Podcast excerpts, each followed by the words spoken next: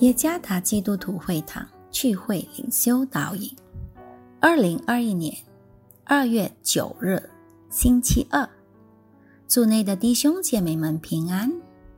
今天的灵修导引，我们将会借着圣经创世纪第三章第七节和二十一节来思想今天的主题。皮衣，作者古发起牧师。创世纪第三章第七节，他们二人的眼睛就明亮了，才知道自己是赤身露体，便拿无花果树的椰子为自己编做裙子。耶和华神为亚当和他妻子用皮子做衣服给他们穿。人们穿的衣服有一部分是用动物的皮为原料缝制的，多数价值昂贵。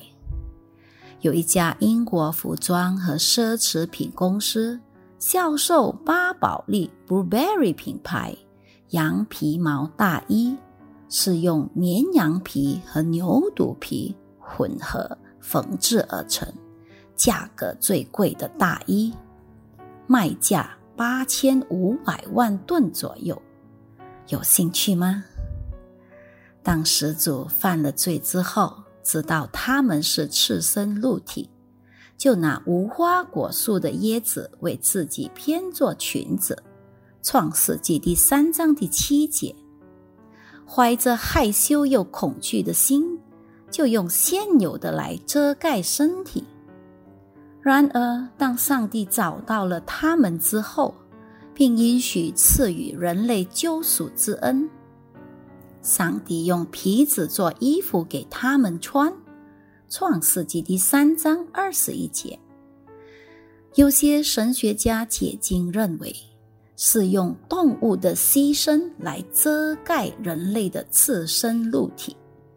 我赞同他们的看法。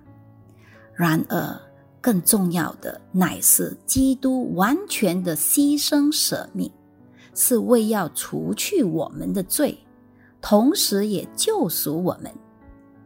因他的怜悯，上帝遮盖了我们的赤身露体，他遮掩了他们的羞耻，让他们不再感到耻辱和丢脸。基督在十字架上为我们牺牲舍命，是上帝爱我们的确证。他不让我们因罪而处于羞愧之中，为我们在十字架上成就了这大功。若是我们已经历了上帝的怜悯，我们就必须负起爱其他人的任务。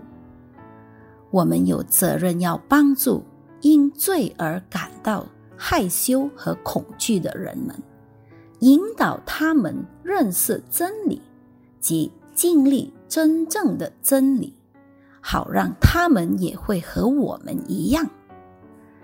凡是已接收基督真理的人，他也必定会爱他人。愿上帝赐福于大家。